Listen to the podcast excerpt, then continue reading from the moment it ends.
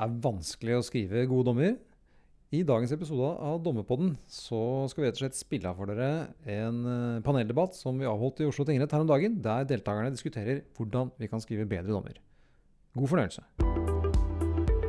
Du hører på Dommerpodden. Du hører på Dommerpodden. Jeg klarer å få dette her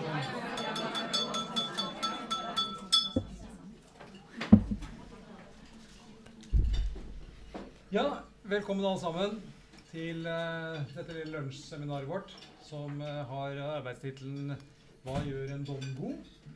Um, det er jo ikke noe sånn spesielt enkelt spørsmål, men um, vi har fått god hjelp til å forsøke å svare på det av noen helt eminente paneldeltakere her. Um, mange av dere kjenner dem sikkert, uh, men la oss ta bare helt kjapt en runde her. Skal vi begynne borterst hos deg, Kim? Hvem er du, og hvorfor er du her? Ja, det kan du spørre om. Jeg heter Kim Heger og er eh, dommer i Oslo tingrett. Og der har jeg vært i eh, 17 år nesten. Og skrevet da en del dommer, men om de er spesielt gode, det, det, vet jeg ikke helt. Ja, det kan advokaten svare på. Bra, så har vi Mariana Låsic. Ja, Mariana Låsic, advokat og fast forsvarer for Oslo tingrett og Borgarting lagmannsrett. Eh, jobber i all hovedsak med straffesaker, veldig mange unge kriminelle, og har noen klare tanker om hva dere gjør bra og ikke så bra. Det blir spennende å høre. Eh, Thomas eh, Edsberg fra statsadvokatembetet. Ja, jeg er jo da her i egenskap av statsadvokat. Det har jeg ikke vært så lenge. Jeg begynte med det i fjor. Eh, Før det så har jeg mange års erfaring som advokat for det offentlige, da Oslo kommune. Kommuneadvokaten i Oslo. Så jeg har også da vært med og bidratt til en del domsavsigelser. Jeg har også noen års erfaring som dommer. Og jeg som er Ragnar Lindefjell, jeg er bare her for å prøve å styre denne samtalen sånn noenlunde i havn. Jeg skal si to ting sånn til eh, agendaen. Eh, Det første er at grunnen til at vi sitter her og det ser ut som en sånn pressekonferanse hvor noen skal legge seg ordentlig flate og beklage, så, så er det grunnen til det at vi eh, tar opp samtalen fordi vi har så stor tro på dette at vi tenker at det kan bli en episode av Dommerpodden. Så det er grunnen til at vi sitter her med det utstyret. Bra. Eh, Dommene våre, kanskje litt sånn på linje med min intro, er eh, lange. Eh, de er eh, altfor formelle, og de er preget av litt sånn ullent og uklart språk. Det er tilbakemeldinger som vi ofte får. Um, og det er ikke så lett å skrive gode dommer. Men sånn helt overordnet um, Har vi noen teorier på hvorfor er det hvorfor, hvor, hvorfor går det gærent? Hvorfor blir dommene av og til litt sånn lange og formelle? Og hva, hva som skjer der? Uh, vi starter bort hos deg, Kim. Som, som Ja, skriver en det var kanskje at de blir for lange og formelle, ja. Derfor starter du hos meg. uh, nei, det er jo ikke så lett å si hvorfor noe er godt og noe er dårlig. Det er litt som man leser en, uh, en novelle. Hvorfor er den god? Uh, men kanskje en av grunnene er at man i en dom sier mer enn man må. At man Kanskje Jeg er ikke noe god i det selv, men jeg prøver å tenke at uh, Finne ut hva man skal si. Si det, og slutt å si det. Um, og det er, jo mye kjekkere å si her enn det er å gjøre, da. Og så prøver jeg Man bør jo prøve å skrive så godt norsk man kan. Men det kan vi jo komme litt tilbake til. Da, Marianne, Ja, du nei, altså, eh, Hvorfor en dom blir lang, eh, det er ikke så lett å svare på. Men det jeg av og til kan tenke når jeg leser, er at en dommer har veldig behov for å rettferdiggjøre resultatet. Og derfor må skrive veldig mye og begrunne veldig mye. Eh, men i de sakene jeg har, som i all hovedsak er forholdsvis små straffesaker, så er ikke det det største problemet at dommene blir for lange. Det blir vel kanskje heller mer i den sivile verden. Men, men hvorfor de blir lange og formelle, det er vel en gammel tradisjon. Da. Det skal være stort, og det skal være flott. Men jeg tror vi er litt på vei bort fra det. Jeg tror det var litt mer vanlig før enn det det er nå. Hva med deg, Thomas? Har du tenkt noe på det? Jeg har en tanke om at det kanskje er litt trygt. Det føles litt trygt og godt å kunne produsere sider. med tekst. Ved å på en måte gjengi, referere forklaringer, eh, utdrag fra dokumenter, utdrag fra rettskilder. Det er jo på en måte veldig lite kontroversielt eh, ofte å, å gi sånne referater. Og det går kanskje litt inn i den, den debatten om at det er på en måte ubehagelig å, å ta stilling og avgjøre ting. eh, Som jo er på en måte kjernen ved det å være dommer. At man ofte må ta valg eh, som er upopulære for noen. Det har kanskje noe med det å gjøre. I hvert fall De, Ja. de lengste dommene vi ser, er jo ofte de som har lange referater fra forklaringer og sånt. Jeg tenker også av og til i sivile saker at uh, jeg føler at jeg skylder advokatene litt. Hvis de har anstrengt seg mye og stått i ukevis og eh, kanskje vise at jeg skal drøfte veldig mye mer enn jeg må. For i- hvis ikke så vil de føle seg litt snurte, og det skjønner jeg. Jeg men uh, kanskje man skal prøve å være litt tøffere der. Ja. Jeg tror du kan uh, kjenne meg litt igjen i den følelsen der. eh, sammenhengen mellom hva som, hva som skjer i retten, og hva som kommer ut etterpå. Ja. Uh, man har gjerne en, et ønske om å i hvert fall vise at man har forstått det som har skjedd, og, og så transformert i en eller annen dom, selv om det kanskje ikke er strengt nødvendig. Thomas? Jeg bare skyter inn at det, det er jo ikke noe mål i seg selv at dommene skal bli så korte som mulig. fordi at det er jo Man har jo, sitter jo den, med den følelsen når man har vært i retten og presentert et faktum eller noe juss, så vil man jo også gjerne ha en kommentar til i hvert fall noe av det som, som har skjedd i retten. Så det blir det for kort, så savner man jo det. Ja. Hvis jeg kan få skyte en, en ting der, Det blir litt mer sånn på generell basis med hva som skal være med i en dom. og Nå er det litt tilbake til strafferettsverden. Eh, for det er jo lovregulert av hva som må stå i en dom. Eh, men for mine klienter, som som regel blir dømt da, Det er ikke så veldig ofte vi får disse frifinnelsene. Men eh, der eh, savner jeg på vegne av mine domfelte klienter en redegjørelse for hvorfor de ikke blir trodd.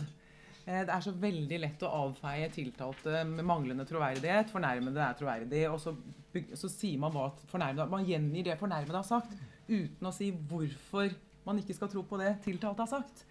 Eh, og jeg har noen flere tanker om det som vi kan komme tilbake til når jeg vet at det blir tema etterpå. Men, men akkurat det med begrunnelser, da tror jeg Det har også en direkte link til dette med å anke, f.eks.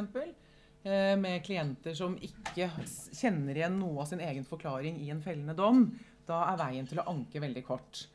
Eh, og for å dra den over i eh, salær på offentlig sats, så Oi, er det veldig dårlig butikk for, for advokaten å skrive anke, eh, ankestøtte i de sakene. Det, det har ikke noe å si for dette. Men, men, eh, men jeg tror vi kan unngå en del eh, unødvendige anker hvis man kan få inn litt mer av eh, tiltaltes tanker. Og Ja, men Det er, er jeg helt enig i. Altså, det er vel kanskje noe av den en veldig viktig forskjell på sivile saker og straffesaker. At uh, både tiltalte og fornærmede må kunne lese dommen slik at de er trygge på at dommeren har skjønt deres historie. Mm, nettopp.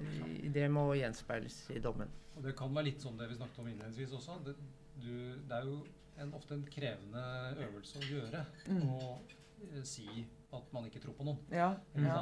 Ja. Eh, men det er en øvelse, det er ikke et hinder vi kan løpe rundt. Det er, Nei, nei. Og særlig ikke i, i straffesakene. For det må jo ta utgangspunkt i at forklaring er riktig. Det er det man skal. Ja. Begrunne hvorfor vi mener det ikke er det. Og da må man jo tørre å være direkte. Men jeg, opplever at dette er noe som vi eh, har en ganske Det har vært mye snakk om det. Jeg husker ikke hvilken sammenheng. Ikke, men Jo, er altså tro Da bruker vi jo Jeg sier jo ikke at tiltalte lyver. Men det er litt tradisjonelt. At de lyver, eller at de sier at vi at, at man bruker heller vi, Retten fester ikke lit til og Ja, slikt. ja. Men eh, på et eller annet tidspunkt, hvis det er nødvendig for avgjørelsen, så må vi jo si det. Mm. ja, og der må det jo komme fester ikke lit til, fordi Fordi, ja, så må det Ja, det er det som er ja, det, det er mitt poeng. Og så er det jo sånn at man sier at i sivile saker så må perspektivene til begge parter frem. Og det må jo også gjelde i strafferettsverdenen. Ja eh, at begge perspektivene må frem. Uansett hvor lite troverdig den forklaringen skulle være, så må man i hvert fall vise at man har hørt og vurdert. Um,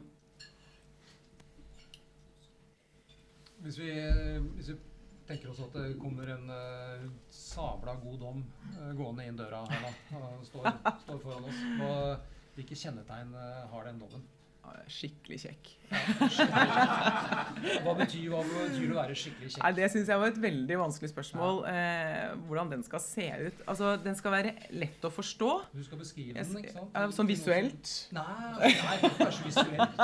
Men men sånn innholdsmessig. Innholdsmessig. Ja. Nei, altså Det overordnede må være lett å få tak på. Eh, og da gjelder jo ikke det Og dette er litt tilbake til det tradisjonelle spørsmålet med hva som gjør en dom god. Vi, vi advokater som jobber med dette, vi kan jo lese dommer, forhåpentligvis. Men det er jo ikke oss det gjelder. Og det er klientene våre. Og igjen til da, mine klienter. Man skal kunne forstå hva som står der.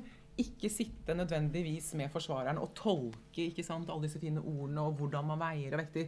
Men hvordan den dommen skal se ut, den skal være enkel, den skal være oversiktlig. Jeg er litt tilhenger av noen overskrifter, ikke nødvendigvis for hvert kapittel, men at den er lett å lese. Og ja, post fem, hva mente dommeren der at man kan bla opp? Så den skal være til ditt spørsmål, hvordan skal den se ut? Eh, enkel, lett å forstå. Forståelig og enkel. Ja, ja. Og det er da særlig ut fra, fra tiltalteperspektivet? Det er fra tiltalte. Så må man selvfølgelig dekke alt det Ja, ja, andre. ja. Ja. Mm. Thomas, har du noen andre perspektiver? Hvordan skal den se ut? Jeg tenker at en god dom den har antagelig et fast, eh, godt håndtrykk. eh, som Ja. skaper umiddelbart en god relasjon. Det var fine ord, Eh, ikke sant? Er ikke det, er ikke det flott? Eh, Nei, så tenker jeg at eh, sånn Og så er den antagelig en god lytter og, og gir Ja. samtidig klare og tydelige tilbakemeldinger. Uh, Ja. Vil jeg tenke at en god dom eh, gjør, Da du godt. hvis den kommer her. Mm. Mm. Fordi dette handler jo egentlig da om kommunikasjon. ikke sant? Altså, Ja. Dommen skal Mm. kommunisere et eller annet. Så det skal være en Mm. Kan snakke tydelig og samtidig Mm. Kanskje først lytte, så snakke. Mm. Ja. Du ser veldig tenksom ut, Kim. Ja, altså jeg tenker på Hvis det kom en uh, veldig god dom gående inn i rommet her, så hadde eh, jeg hørt min mor og fars stemme i bakgrunnen som sa at det er det indre som teller. Og så er det ikke helt sånn Ja, allikevel. Det er jo ikke, det er jo ikke sant. Men eh, eh, hvis jeg så kom til det indre, så hadde jeg vel kanskje sett en god dom at det er et, et sammenhengende eh, skriftstykke hvor det ene avsnittet følger det andre logisk. Eh, det er på en måte ett arbeid. eh, hvor det glir sømløst og pent nedover som en trakt. Og så ender det i en domslutning. Eh, og at den er eh, lesevennlig. Mm. Det er jo det at eh, som dommere så Det er jo et uh, skrivende yrke. Og vi kan jo av og til være noenlunde gode jurister i heldige stunder, men det er jo ikke derfor sagt at vi er eh, så gode forfattere. Så uh, det å få til en lesevennlig tekst, det er jo ikke helt enkelt, da. Men hvis vi påtreffer det, så ville jeg lagt merke til det, tror jeg. Hvis han kom gående inn i rommet. Eller hun, da. Må jeg si. Til dette, til dette med det indre så har jeg noen tanker om, eller Ja, alle, som har har skrevet, alle som har skrevet en dom eh, noen gang, vet jo at det er jo mye som på en måte går inn i en sånn avgjørelse som ikke kommer til uttrykk i selve dommen. Det er mange inntrykk man får under en hovedforhandling som på, på ulike måter spiller inn og ikke spiller inn i en avgjørelse. Men det, det jeg tenker er, er poenget med en god dom, er at den er mest mulig åpen og, og redelig. At det ligger minst mulig mellom linjene og Mm. av sånne skjulte begrunnelser og sånt. eh, som jeg vet forekommer. Men det beste er jo hvis man kan være åpen og redelig med den reelle begrunnelsen sin, og, og skrive den ned på papiret. Eh, som til tider tror jeg kan være vanskelig. Mm.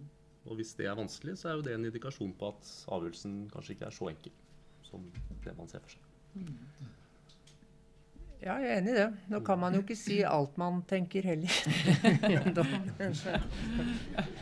Tiltalte har et flakkende blikk. Det er en dommer som har forsøkt det en gang. Ja. Men det er jo et eksempel på det Mariana sier om at de tiltalte må jo også kjenne seg igjen i 'hvorfor ble jeg ikke trodd'? Og da kan ikke det være en del av begrunnelsen. Altså kroppsspråket og, og blikket og sånt Skal jo ikke bør det. ikke være det. ikke sant? Det bør være noe mer håndgripelig og etterprøvbart enn som så. Mm.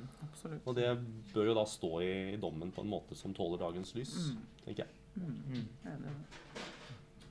Vi har vært litt inne på det uh, allerede.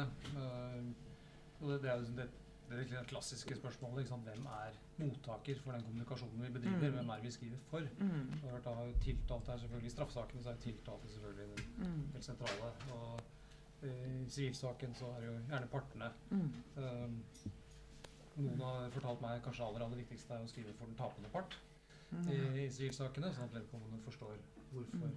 dommen ble som den ble. Um, er det noen andre mottakere som vi skal være oppmerksom på? Ja, hvis jeg kan få svare på én ting før det. Eh, når det gjelder mottakere av, eh, av resultatet, så er det jo interessant for dere da, å vite hvordan man leser en dom. Leser man i det hele tatt dommen? Eh, I hvert fall de klientene mine. Eh, hvis det på siste side står at eh, tiltalte frifinnes, så er det helt uinteressant å lese dommen.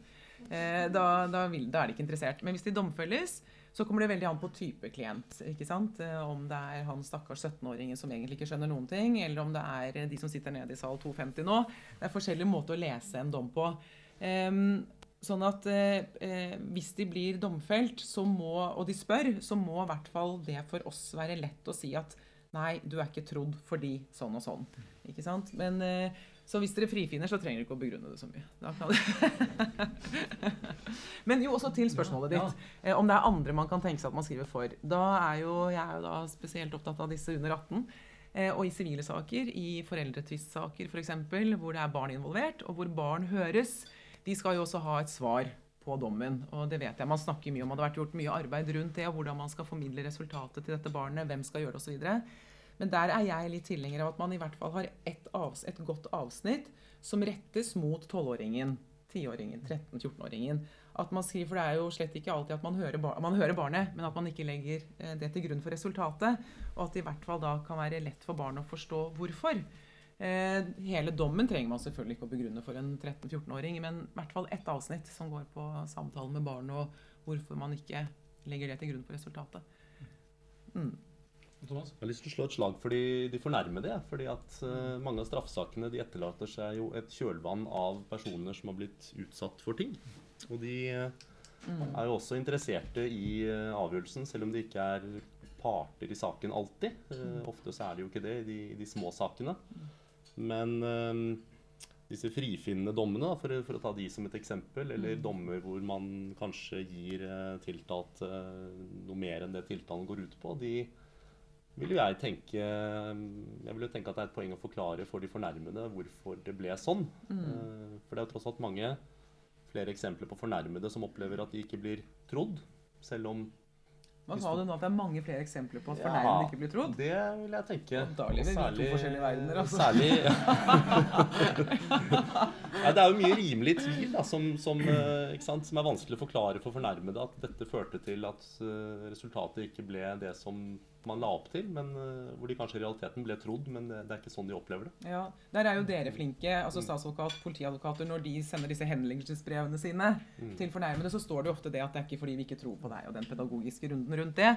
Eh, men, eh, men ja, om det skal med en dom også. Nå er det jo tiltalte som står tiltalt, som hovedfokus bør, syns jeg, være på ham. Men også har jo fornærmede kan ta telefonen til politiadvokaten da, og høre. Til en bistandsadvokat, hvis man har det, som selvfølgelig vil ha det som sin oppgave å forklare at det er ikke det fordi du ikke er trodd, men bevisene holder ikke. Ja, den klassiske forklaringen der. Men Thomas, opplever du at dette her er eh, noe som i liten grad blir, blir ivaretatt i dommene våre? Siden Ja, altså jeg kan i hvert fall si som et konkret eksempel altså en, en voldtektssak med en, eh, altså to eldre personer involvert, hvor den kvinnen som da var fornærmet, var veldig opptatt av at hun var på en måte ikke en sånn eh, kvinne som eh, tiltalte da mente at hun hadde vært. Hvor jeg da underveis prøvde å forklare henne litt, og bistandsadvokaten også, at det faktum som hun leser i dommen, kommer nok til å være et litt annet. Altså Man kommer nok til å legge til grunn underveis en del ting som han har forklart, fordi at det klarer vi ikke å å utelukke. Så man kommer nok til å legge det til grunn for dommen, men resultatet blir antagelig at han blir dømt. Og det ble, det ble også resultatet. Men uh, hun sitter jo da likevel med en opplevelse at det er masse ting som står i den dommen som ikke er riktig. Uh, og som er veldig krenkende for henne. Mm. Så det hvordan man på en måte kan forklare det i en dom, det, Mm. det har jeg ikke noe god svar på. Men det, det er i det er hvert fall vel- noe man må tenke. Ja, bare dra en ekstra setning eller to om beviskravet, da. For eksempel. Men øh, det, jeg er helt enig i at jeg tror det er veldig viktig, særlig i straffesaker, og kanskje særlig i frifinnende voldtektssaker, at eh, både tiltalte og, og fornærmede kan lese ut av dommen at dommeren har fått med seg hva de Mm. mener og, og hva de sier. Mm. Men ellers så må man jo bedømme litt partene og litt saken og litt situasjonen, hvem man skriver for.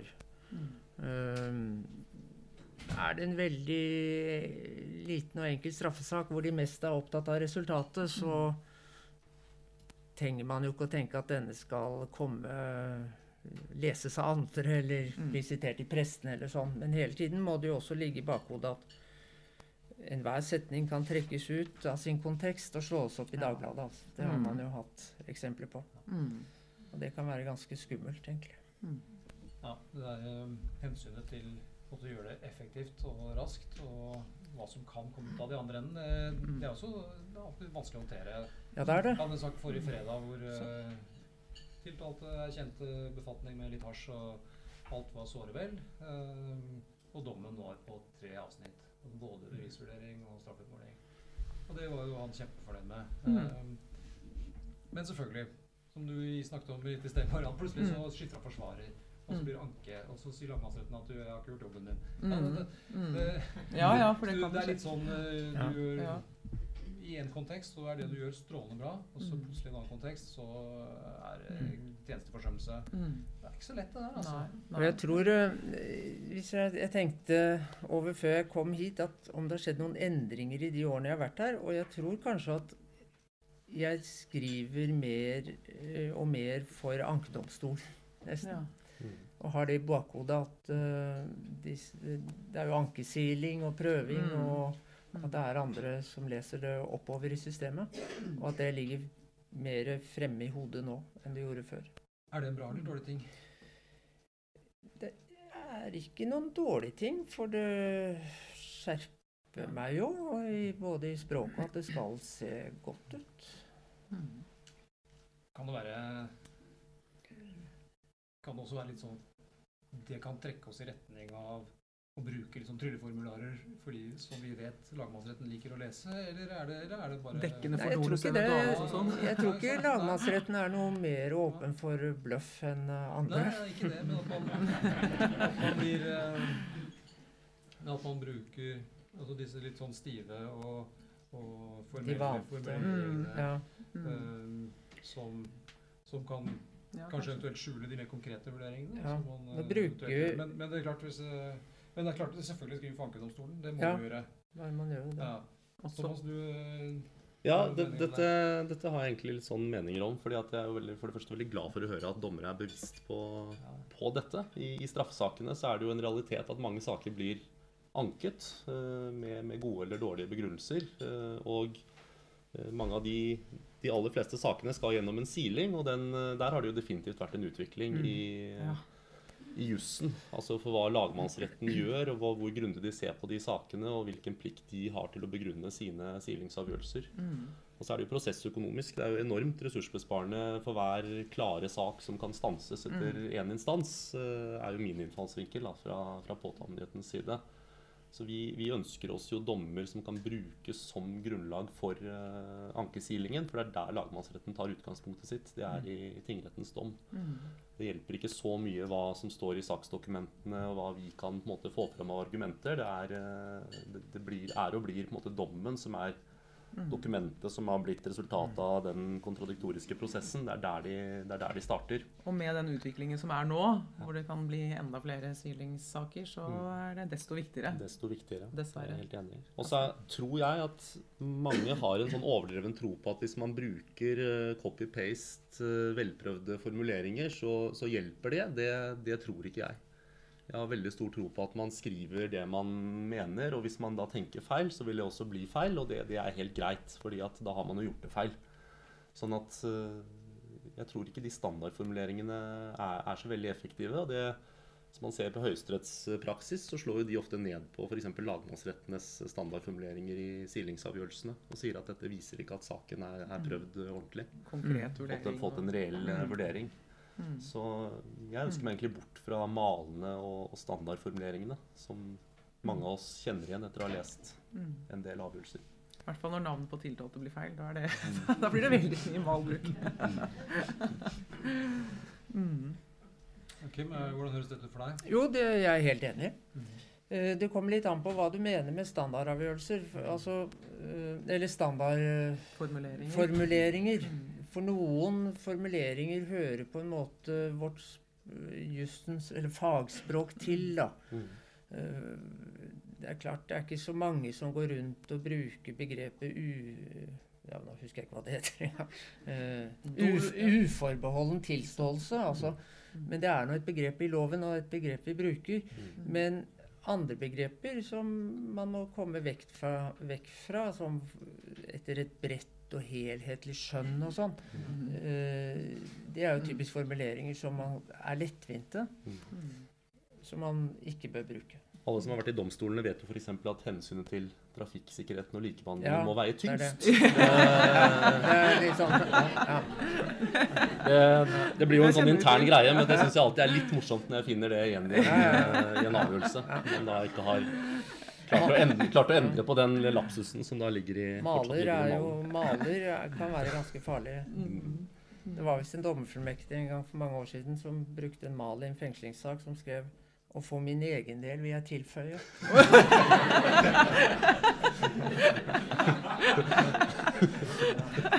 Uff da. OMK artikkel 5 nummer 3. Ja, det er det- Eventuelt. Det kan ikke være noen tvil om at det er Ja, det er ikke bra. Um, men den der dommen den er jo bare egentlig sluttproduktet i en ganske lang prosess. Um, og så kan man tenke seg at det er et sånt arbeid som dommeren gjør, og så blir det sånn som den blir, litt, litt løsrevet fra hva som har skjedd før. Mm. Men um, jeg har en hypotese om at det, det skjer ganske mye før man setter seg ned og begynner å skrive, som er ganske avgjørende Mm. for kvaliteten på det produktet som kommer ut. Er det, Mm. er det noe som gir gjenklang hos noen? Ja, eh, hvis jeg kan få komme med et innspill der. Ehm, da tenker du på det som skjer under hovedforhandling og i rettssalen selvfølgelig, før du skal skrive dom. Eh, og der er det også en henstilling på vegne av eh, mine tiltalte. Eh, for det, av og til så oppleves det som to helt forskjellige verdener, det man har vært med på. Det man har opplevd i rettssalen, og det resultatet som kommer etterpå. Hvor de noen ganger spør har vi vært i samme sal. Det som er det aller, aller viktigste, og som jeg ber innstendig om, det er at dere må lytte. Dere må gi tiltalte tid til å snakke. Eh, og eh, de skal jo ha mulighet til fri forklaring først, før man begynner med å bombardere med spørsmål. Gi dem de fem minuttene, selv om ikke det handler om tiltalen. Bare la de prate litt først for å komme i gang. Så kan man snevre det inn. Fordi, og dette er gjengs erfaring, tør jeg påstå, blant forsvarere Hvis tiltalte føler seg godt hørt under hovedforhandling, hvis dommerne har vært nysgjerrig og lyttet og vist forståelse og hører hva du sier, og domfeller, så lever man lettere med det resultatet. Hvis du ikke blir hørt, og dommeren jager på, det er dårlig tid og vi har ikke tid å bare svare på spørsmålene mine, så kan du banne på at det kommer en anke omtrent uansett hvor lav straff man eventuelt skulle få. Sånn at den betydningen av å lytte til tiltalte er så viktig. Så det sneker jeg inn en sånn anmodning til dere om det. Ja. For det er noe med det resultatet som kommer etterpå. Det er lettere å leve med et eh, dømmende resultat hvis du har blitt hørt, og føler at du har blitt hørt. Det tar til og med et navn. Dette prosessuelle rettferdighet. Ja, Altså, det, gjør, ja, men det er ikke alle dommerne som er så Nei, fan av det. Nei. det en, eh, Jeg har aldri har, hørt om det. eh, Det var et nytt uttrykk. Det er et fint uttrykk. så det var det det ikke Skal meg, jeg, jeg, jeg skal nok ikke høre hørt om dette. Så, så, så gjør jo utgjør materiell rettferdighet når resultatet ditt er riktig. Ikke sant? Men når en annen tiltalte oppfatter, eller Ja. vitne oppfatter at den prosessen som har foregått, Mm. har vært rettferdig ut fra hans egen Mm. subjektive oppfatning, så det klart da, da reduserer man gjerne Mm. ankeappetitten. Ja, det er det man veldig- Da forstår du Ja. i hvert fall noen har sett og hørt meg. Og så var det jo selvfølgelig ikke helt sant det jeg forklarte, så Nei, det er greit det. Men, men det har i hvert fall ikke sant, det har vært behandlet. Mm. Ja, Mm. det tror jeg, der tror jeg vi kan spare mange anker. Mm. Jeg tror Mariana har rett i det, men da må man jo heller ikke glemme at da trenger det ikke nødvendigvis være dommen som forklarer tiltalte hvorfor det ble som det ble, eh, eller gir tiltalte da følelsen av å ha blitt godt ivaretatt. For det er, det er nesten viktigere det som skjer i Ja, rettssalen. at man absolutt. da Ja, ja, ja. blir Ja. ordentlig behandlet i Mm. salen, og så, så får det heller være at dommen ofte er eh, et annet resultat enn det tiltalte Ja, men det er lettere å leve med Mm. eh, hvis man føler at man har blitt hørt. Mm. Men kan jeg bare få komme med ett eksempel på hvordan ting ikke skal gjøres? Jeg Eh, er alltid ja. veldig glad i fisk. det har jeg et konkret eksempel på. hvor jeg nest, for å si Det sånn, det var en gavepakke med tanke på ankegrunn til lagmannsretten. Det var en sivilsak, foreldretvistsak i en nabodomstol. Og så har jeg tatt med sitatet her, for det er helt sjukt. Hvor vi hadde da vært i retten i tre dager, mor og far og ja, barnefordeling, som det het før. Så skriver retten eh, på side et eller annet, så skriver retten sånn. Retten går så over til å drøfte tema som ikke har vært gjenstand for kontradiksjon. Ja, det er, hold deg fast. Utvikling av barnets hjerne og foreldrekonfliktens påvirkning i så måte. Og så kommer det to sider om dette som ikke har vært tema overhodet. Men så skriver dommeren som ikke har vært gjenstand for kontradiksjon. Det skjer altså. Så ja. Jeg bare nevner det. Er det noe galt med det, da? Du kan jo prøve. Du kan prøve, så får du se. Hvordan gikk det? Det gikk ikke så bra for den dommeren? Nei, det gikk ikke så bra for den dommeren, men det gjelder også andre grunner til. Men um, ja. Uten, ja. Det så ut som det var mange sjokkerte ansikter i salen, så Ja, han- han- tipper at dette ikke er noe vi bruker, gjør mye av. Nei, det gjør man ikke mye av, men ja. Men du er inne på forhold til sivile sakene, og du er inne på Mm. foreldretvistene. Mm. Eh, Det er jo, syns jeg i hvert fall, noen av de mest krevende avgjørelsene å skrive. Mm. Selv om, og kanskje også litt fordi, det er ikke så ofte vi faktisk nå etter hvert skriver dem. Eh, De fleste sakene blir jo løst, Mm. eh, men, men allikevel fra tid til annen så må du skrive midlertidige avgjørelser og dommer i, i de tvistene. Og det reiser jo noen, syns jeg, sånn noen ekstra krevende problemer. Kanskje også litt i samme gate. Muligens, Thomas, som, som du som har vært kommuneadvokat, uh, jobbet sikkert med hatt mye Mm. barnevern. Og, Mm. altså, det er krevende eh, folk i veldig høy konflikt, som kanskje i liten grad har med jus å gjøre. Mm. Og så skal man prøve å rydde opp i dette Mm. eh, og skrive noe fornuftig om det. Mm. det Ja. der vil jeg gjerne ha noen kloke råd fra dere. Altså. Men Du lurer på om du kan skrive om mor er helt ko-ko? Så, så lenge det er gjenstand for kontradiksjon, så kan man kanskje det. Ja, nei, det er litt sånn utenfor min komfort. Nei, ja, det er litt utenfor min komfortsone, holdt jeg på å si. Altså, fordi jeg vet ikke om jeg kan gi noen liksom noen spesielt gode råd der i forhold til de rådene som ellers måtte gjelde i sivile saker. Som er Skriv, pass på å ikke skrive mer enn man må, verken positivt eller negativt i dette tilfellet, da, om partene. Og få frem det som er dommerens avgjørelsestema og avgjørelsesbegrunnelse. Uh, og det, I den type saker så er det kanskje fort gjort å betegne partene litt uh, mer enn uh, man strengt tatt trenger, kanskje. Det, skal jo, de skal jo, det står der jo for evig tid. Mm. Så man må være forsiktig med språket sitt, da. Men Og barna deres, hvis jeg får skyte inn, og barna, barna deres skal jo lese kan jo disse lese denne dommen Ja. når de blir uh, Mm. i en eller annen alder. Mm. På den annen side må man jo tørre å si hvorfor man har kommet frem til den avgjørelsen man har gjort, da. Mm. Så får man gjøre det så elegant man kan. Mm. Ja da, og den er, eh, Det er jo utpreget konkrete vurderinger som man må Ja. gjøre der og Mm. da, som kanskje er litt sånn krevende å løfte opp det generelle. Men Thomas, Mm. du Ja, Det som er litt sånn vanskelig med de sakstypene du nevner der, er jo egentlig at de er sivile saker hvor det legges opp til at man skriver en del eh, negative ting, eh, og særlig kanskje også ting som delvis er over i strafferettssporet.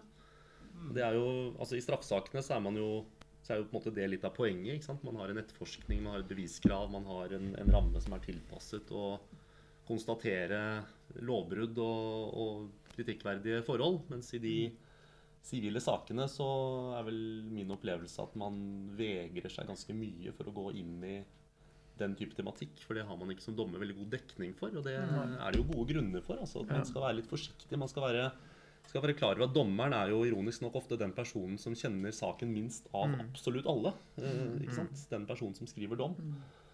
Samtidig så er det jo litt frustrerende at dommer eh, alltid på en måte blir en sånn eh, hvor man trekker fra trekker fra. Det blir en veldig sånn skjønnmaling av den virkeligheten som partene lever i.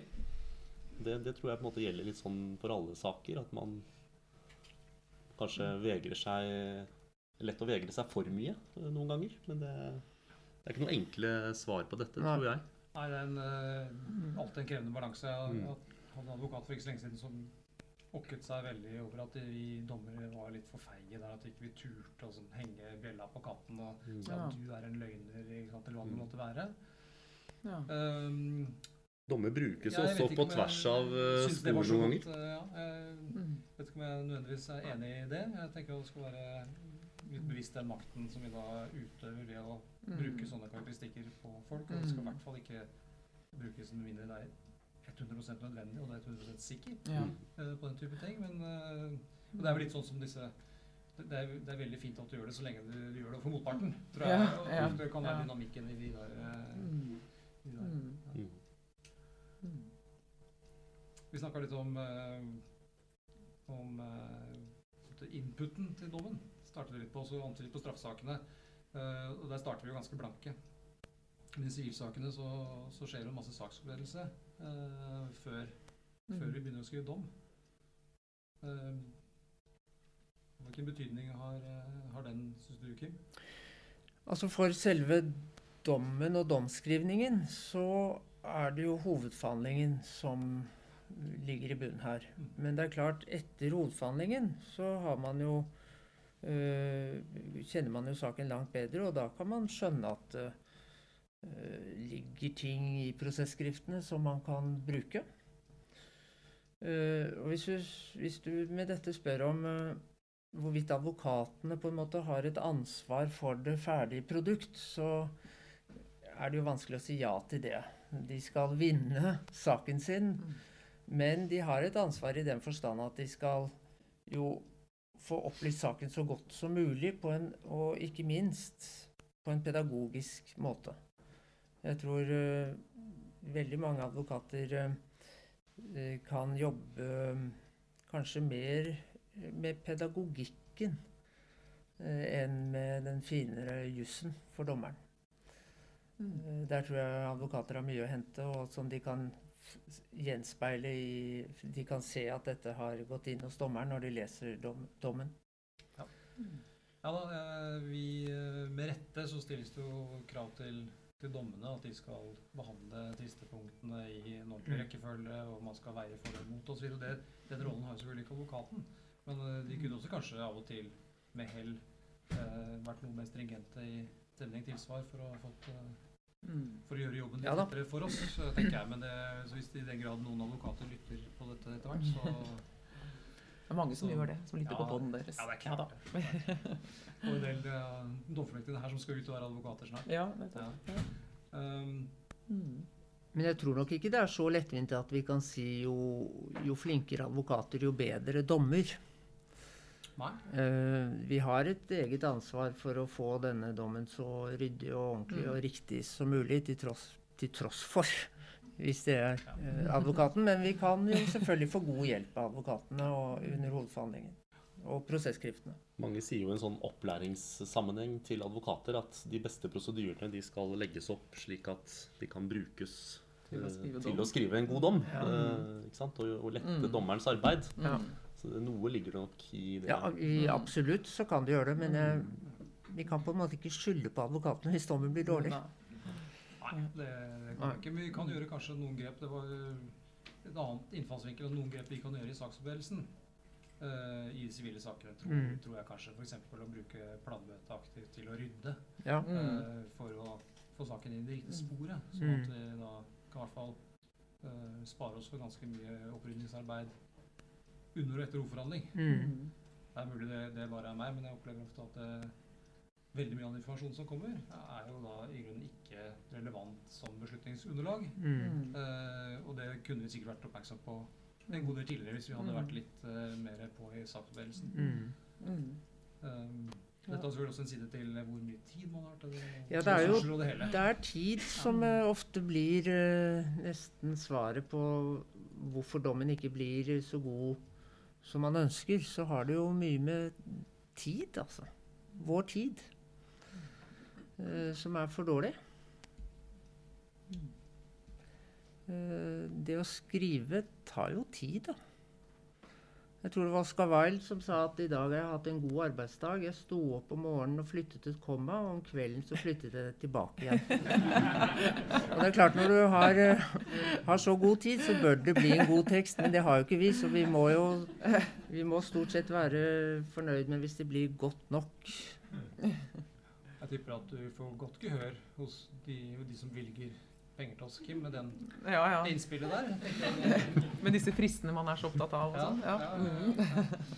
Et komma om dagen, så blir det dom av Ja, det blir, det blir dom til slutt. Ja, ja. Nei, men det er selvfølgelig særlig i straffesakene, så, så er jo tidspresset høyt, Ja. høyt aktuelt. Ja. Mm. Ja. Og det har vi jo Mm. vi har jo sett noen eksempler på det i den senere tid. Mm. Eh, Mm.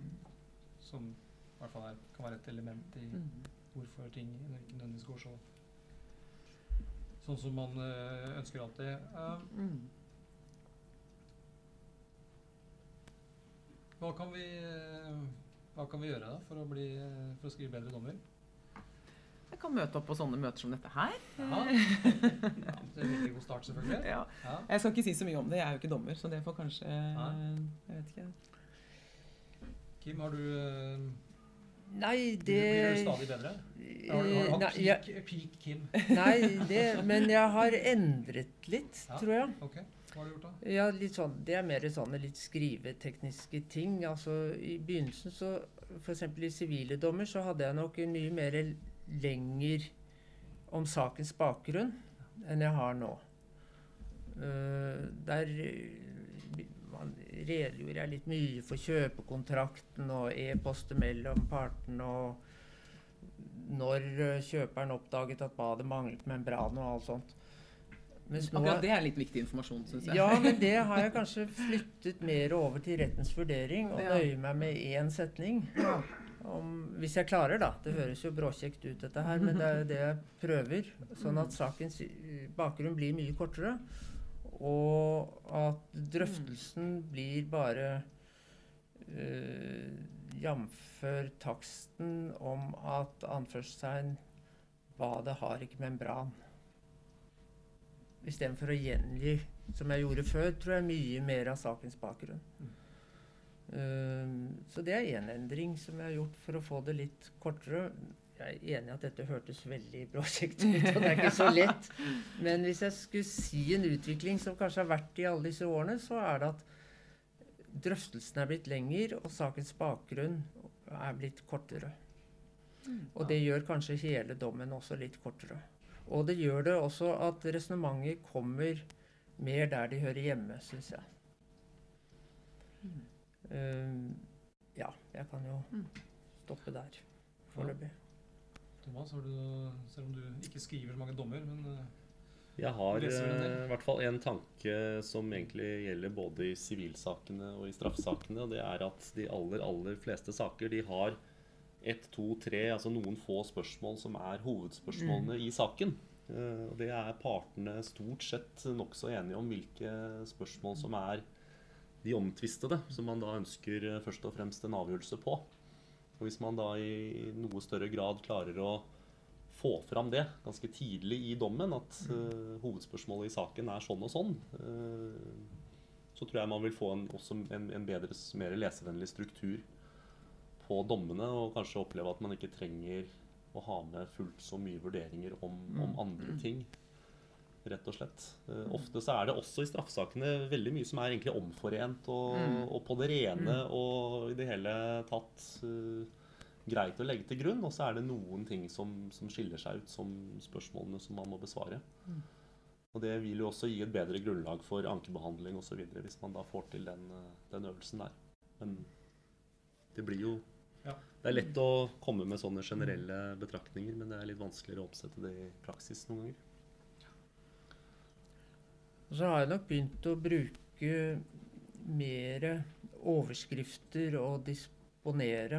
øh, sånn at det er lettere å, å lese og skjønne hvor jeg er. Eh, ja. Også i straffesaker, faktisk. Mm. Tror jeg det. ja, der tror, jeg, ofte, der tror jeg det er en del å hente. Ofte de straffesakene kan Mm. bli nokså sånn ustrukturerte, kanskje. Mm. Eh, Mm. Og hvis man ikke har en struktur, så er det også lett å flytte ut i de, de enkelte avsnittene. Mm. Eh, Mm. Det er ganske artig, den, eh, som kanskje mange har lest, den artikkelen til han Lagomor Lagdommer Berg om, eh, om beviskravet som løper løpsk. Eh, Den kan jeg anbefale å lese. Som eh, har ganske mange gode eksempler. eh, Underholdende eksempler fra, Mm. fra dommer der hvor absolutt alt fra Adam og Eva til, til han ble slått ned i Rosenkrantz gate, er bevist utover hver rimelig tvil. Eh, Det er en interessant eh, det er en artig artikkel sånn innenfor straffesakene. Mm. Og et innspill jeg fikk av en kollega akkurat det der. altså Det er, eh, det er ofte det er det er mye faktum, og det er jo over, absolutt ikke alt som er bevist utover enhver rimelig tvil. Og skal man bruke dette videre som grunnlag for uh, lovforståelsesprøving eller straffeutmålingsprøving, eller sånt, så er det et poeng å få fram hvilke deler av faktum er det faktisk som er bevist utover enhver rimelig tvil, og hva er bare bakgrunnsmusikk. Mm. Ja. Det, Mm. Hvor mye bakgrunnsmusikk Mm. er det da nødvendig å ha med? Mm. Eh, Mm. Ja. Ok, så øh, egentlig litt uavhengig av sivilsaker sivilsaker eller straffesaker, så, så skal dommene helst være eh, relativt korte. De skal behandle de spørsmålene saken reiser i en gitt struktur eh, på en klar måte. Og man skal si omtrent det som er nødvendig, men heller ikke mer. Um, og så konklusjonen selvfølgelig følge logisk av premissene for å satse på at de skal. Um, ja. Og hvordan vi skal bli bedre til det, det har vi snakket Vi skal først være her, men um, så må Jeg vet ikke, jeg tenker jo som at man må Er litt øvelse. man må øve seg. Ja, rett og slett. Ja. Og så må man orke å lese sine egne dommer, kanskje. Ja, altså og det det Og så kan man lese egen, Kim eh, sine dommer, da. Nei, det, det. det, skal man ikke. Men det som jo er litt spesielt uh, kanskje for oss, uh, i motsetning til andre som har uh, skrivende yrker, det er jo at vi ikke har noen, noen Forfattere har jo konsulenter. Mm. Redaktører. Mm. Redaktører og slikt. Og vi er vår egen eh, konsulent, og da vet jo alle at da har man en skikkelig dårlig og ukritisk konsulent. Mm. Ja, det er litt sånn som å være advokat Ja, det det. og, og prosedere på egne vegne. Ja. Så en, eh, en mulighet hadde jo vært hvis vi turte å Det har, tror jeg har vært snakket om mye, og det har aldri vært gjort, da, men hvis man tør å, å la andre lese dommen. Men det forutsetter jo at man blottstiller seg litt, og det forutsetter at uh, den andre tør å gi kritikk. Mm. Og det er jo, er jo litt skummelt, da. Skummelt. Var ikke det en del av den kollegaveiledningen deres dere hadde? Det var kanskje ikke det? Ikke doms, ikke Nei, dommer, ikke- men vi har jo, her på huset så har vi jo en domsskrivingsgruppe Ja. uh, som i litt varierende grad har, eh, har, har vært levedyktig. Ja. Men da har vi jo samlet Mm. og da man på tur bidratt med en dom inn i gruppa. Og Ja, så har alle lest den, og så spiser man lunsj og, og går gjennom. Og veldig dissekerer. Dissekerer. Og så, og så vil jeg slå et slag for det så du sier, ikke man må tåle å bli kritisert, og det må man jo.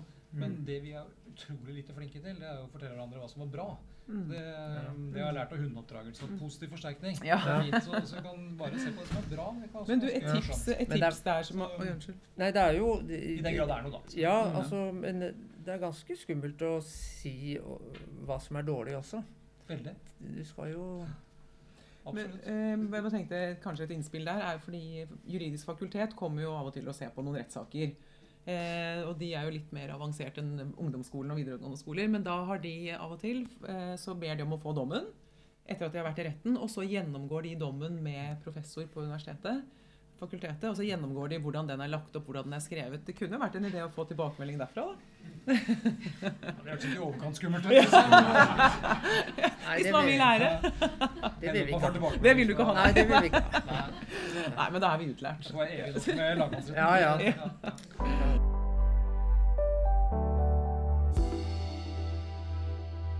Hvis du har vært med oss så langt, så har du forhåpentligvis eh, hatt nytte av å høre på denne debatten i Oslo tingrett om hva som gjør en dom god. Det var det vi rakk i denne episoden av Dommepodden. På gjenhør. Du har hørt på Dommepodden. Dommepodden er en podkast fra Norges domstoler, og er først og fremst ment som et kompetansetiltak for dommere. Hvis du har ris, ros, forslag til temaer eller folk vi kan prate med, så er vi glad for å høre fra deg, og da kan vi nås på podkast at domstol.no. Ha en god dømmende hverdag så lenge. Vi høres.